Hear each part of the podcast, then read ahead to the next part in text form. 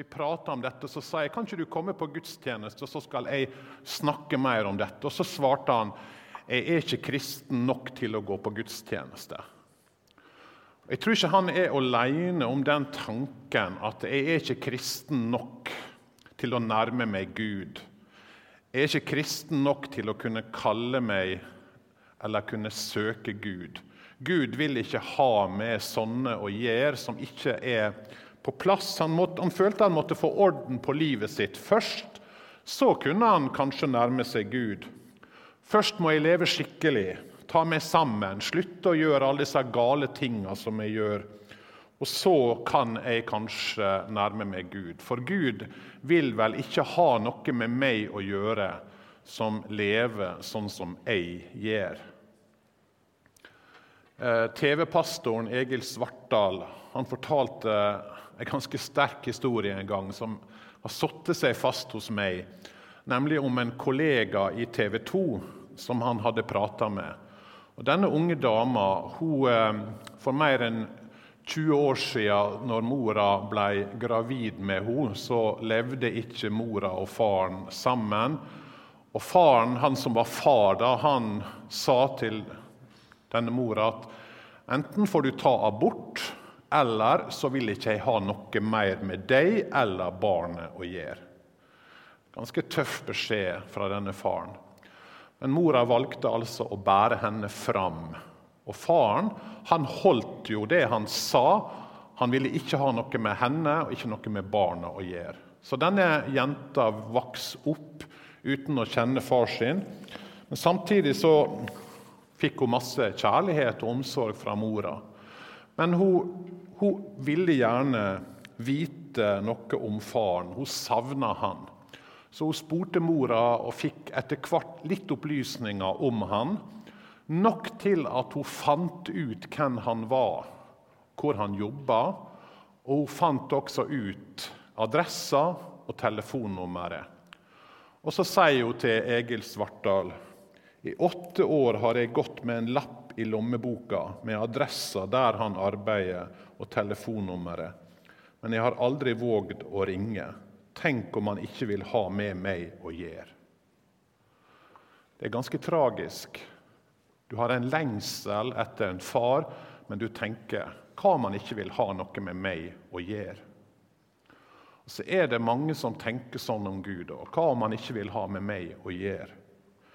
Jeg har svikta han, jeg har ikke levd sånn som jeg skulle, jeg har ikke gått i kirka, jeg har ikke lest i Bibelen. Han er vel skuffa over meg. Og han vil vel helst ikke ha noe med meg å gjøre. Er ikke kristendommen for de som eh, oppfører seg bra? Er ikke kristendommen for de som har orden på livet sitt, og som lever skikkelig og ordentlig?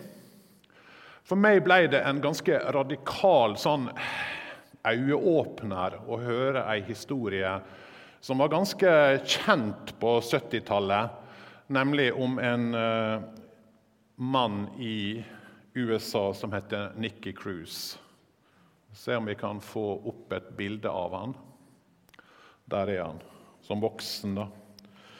Men fram til han var 15 år, så bodde han i uh, Puerto Rico, i et belasta område i byen. Han var stadig i trøbbel. Han bodde hjemme hos foreldre. Disse foreldra var satanister og spiritister og dyrka djevelen. Og mora hun kalte Nikki for Satans sønn. Han ble misbrukt, han ble slått. Så når han var 15 år, så dro han til New York, der broren bodde. Han var hos broren en liten stund før han rømte fra han også og ut på gata. Og Der kom han i kontakt med en puertorikisk bande, en gjeng på gata i New York som heter Mao Mao. Og etter bare seks måneder så ble han deres eh, warlord, eller kampleder. Og Snart ble han også leder for denne gjengen, som også politiet frykta. For det var et liv med slåssing og vold og våpen og alkohol. Ganske tøff gjeng med 16-17-åringer på gata i New York. Men ikke lenge etter at Nikki var blitt leder for gjengen, så møtte han på gata en predikant, en pastor, som heter David Wilkerson. Han gikk rundt, en spedbygd mann gikk rundt på gatene der for å evangelisere. Og Denne pastoren fortalte han at Jesus elska ham, og at han aldri ville slutte å elske ham. Og Det opprørte Nikki Cruise så voldsomt at han eh, ble sjokkert. Han spytta han i ansiktet, og han eh, trua med å drepe han. Og David Wilkerson sitt svar var at du kan kutte meg i tusen biter, men hver bit vil likevel fortelle deg at Jesus elsker deg, at han alltid vil elske deg. Samme ettermiddag så kom David Wilkerson til denne gjengen sitt hovedkvarter for å gjenta budskapet. Og fikk igjen, ble igjen slått av Nikki Cruise. Men David Wilkerson han tok ikke igjen, han bare ba for denne ungdommen. To uker seinere var det et evangeliseringsmøte i, en, eh, i nabolaget, i en hall og Nikki Cruise og gjengen hans var der. Og Etter talen så spør David Wilkerson denne gjengen om de kan ta opp kollekt. Og Nikki Cruise han trodde ikke sine egne ører. Så lettjente penger var vel aldri noen som hadde fått tak i. Så han sa jo ja, og gjengen gikk rundt og viste fram pistolene og sa 'vil dere gi her'? Ehm, og Det ble jo en rekordkollekt, selvfølgelig.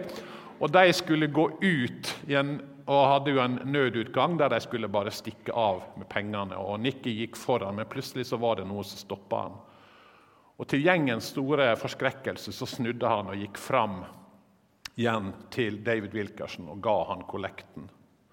Den kvelden så ga Nikki Cruise livet sitt til Jesus. Den kjærligheten han hadde møtt, og den tilliten som han hadde fått av David Wilkerson, hadde smelta han på en sånn måte at alt ble annerledes. Og Dagen etterpå gikk han og noen gjengmedlemmer tilbake igjen til politiet og leverte inn alle våpen og alle kniver. Til politiets store forskrekkelse. Nikki Cruise ble misjonær. Jeg møtte han i Sandnes for en del år siden. Det var et sterkt møte. Ikke minst fordi jeg hadde så mange historier om han, hadde lest bøkene. Det ble jo også en film om han. Men først og fremst fordi den kjærligheten som han utstrålte. Og det, den forkynnelsen han hadde om at evangeliet, det er for alle. Evangeliet er for alle mennesker. Når Gud kan frelse meg, sa Nikki Cruise, da kan han frelse alle. Her er et bilde av han som ungdom da, sammen med denne pastoren Nikki Cruz og David Wilkerson. Kan Satans sønn bli misjonær? Kan en gjengleder og voldsmann bli kristen? Opp gjennom historien så har det skjedd gang på gang. At evangeliet møter mennesket og forvandler liv. Så radikalt er evangeliet. Det er for alle. Vi holder på med apostelgjerningene, og Joel har nettopp lest historien om hvordan Saulus ble en kristen. Drapsmannen og forfølgeren Saulus. Og Hvis du leser i apostelgjerningene, så vil du ganske fort oppdage at når evangeliet får møte mennesket, så skjer det noe. Det skjer noe radikalt. Og at evangeliet faktisk er for alle. I kapittelet før så får vi høre om Simon, som blir en kristen. Simon, hvem var det? Jo, det var en trollmann. En som drev med trolldomskunster. Han møtte de kristne, og han ble en kristen.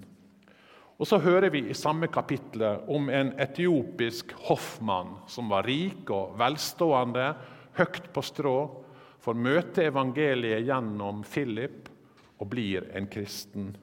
Og Det er som om Lukas, han som skrev apostelgjerningene, prøver å si til oss evangeliet er for alle. evangeliet er for deg og for meg. Til og med for Saulus, han som forfølgte de kristne, prøvde å fengsle dem, drepe dem. Han fikk et møte med Jesus, og alt ble annerledes. Og han fikk et nytt liv og et nytt navn. Heretter heter han Paulus. Når han ser tilbake igjen på livet sitt, så sier han dette om evangeliet. Det er et troverdig ord og vel verdt å ta imot at Kristus Jesus kom til verden for å frelse syndere, og blant dem er jeg den største. Når Jesus kan frelse meg, sier Paulus, så kan han frelse alle. Hvis evangeliet er for meg, jeg som forfulgte, jeg som skulle fengsle alle som trodde på Jesus, ja, så er evangeliet for alle. Historien om Saulus er jo spennende. Han vokste opp i det som i dag er Tyrkia, i Tarsus. Han var jøde. Han begynte jo da å lære Det gamle testamentet fra han var seks år. Etter hvert, når han var ca. ti år, så kunne han hele Det gamle testamentet utenat. Og Han fortsatte å studere, og han studerte under en berømt rabbi som heter Gamaliel i Jerusalem. Jeg tror det er få eller ingen som kan måle seg med Paulus sin visdom i Det gamle testamentet, sin kunnskap og innsikt. Og som fariseer så levde han uklanderlig. Han fulgte alle bud, han fulgte alle regler. Så når han forfølger de kristne, så er ikke det av vondskap eller bare fordi han, han har lyst til å, å, være slem.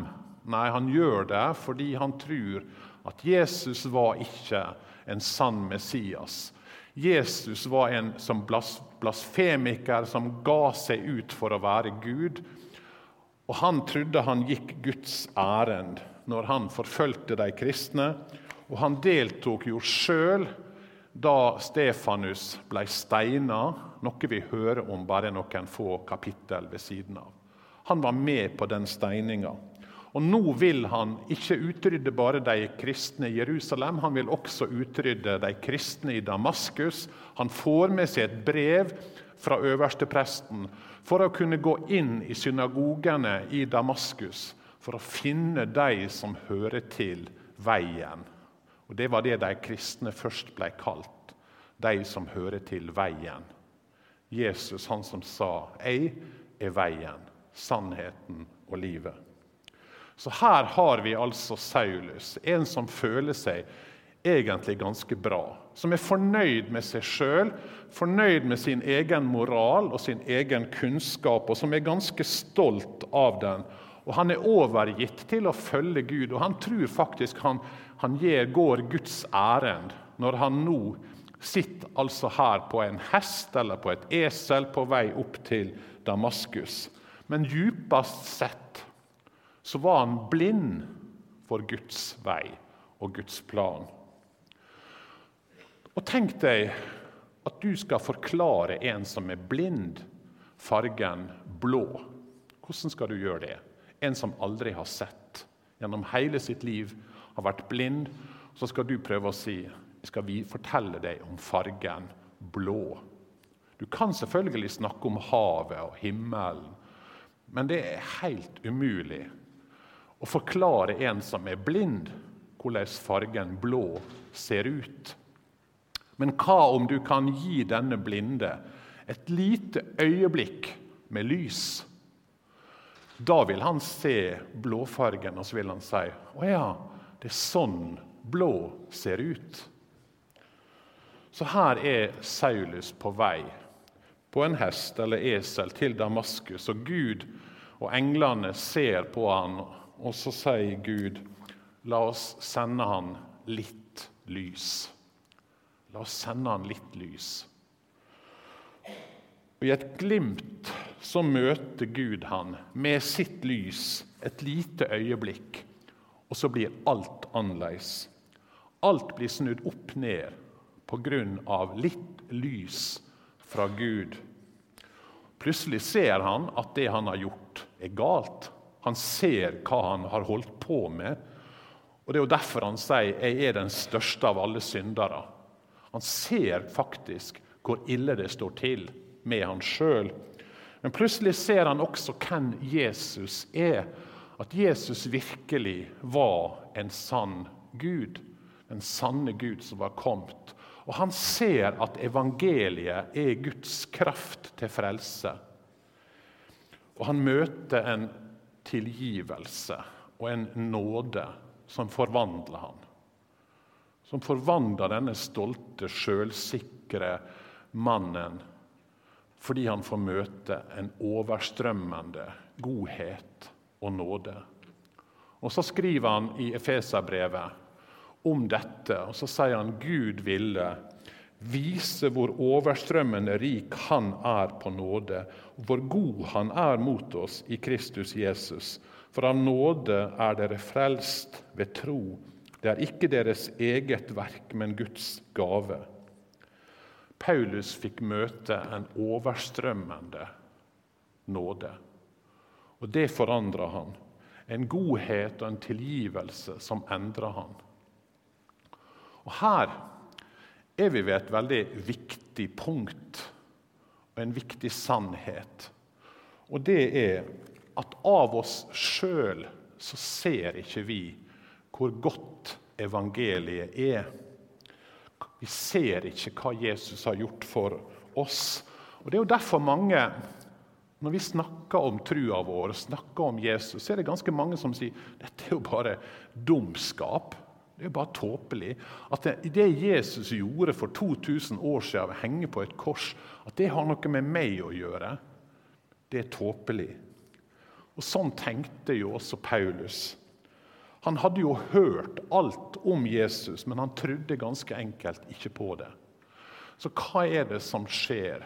Jo, Paulus forklarer dette sjøl i 2. Korinterbrev.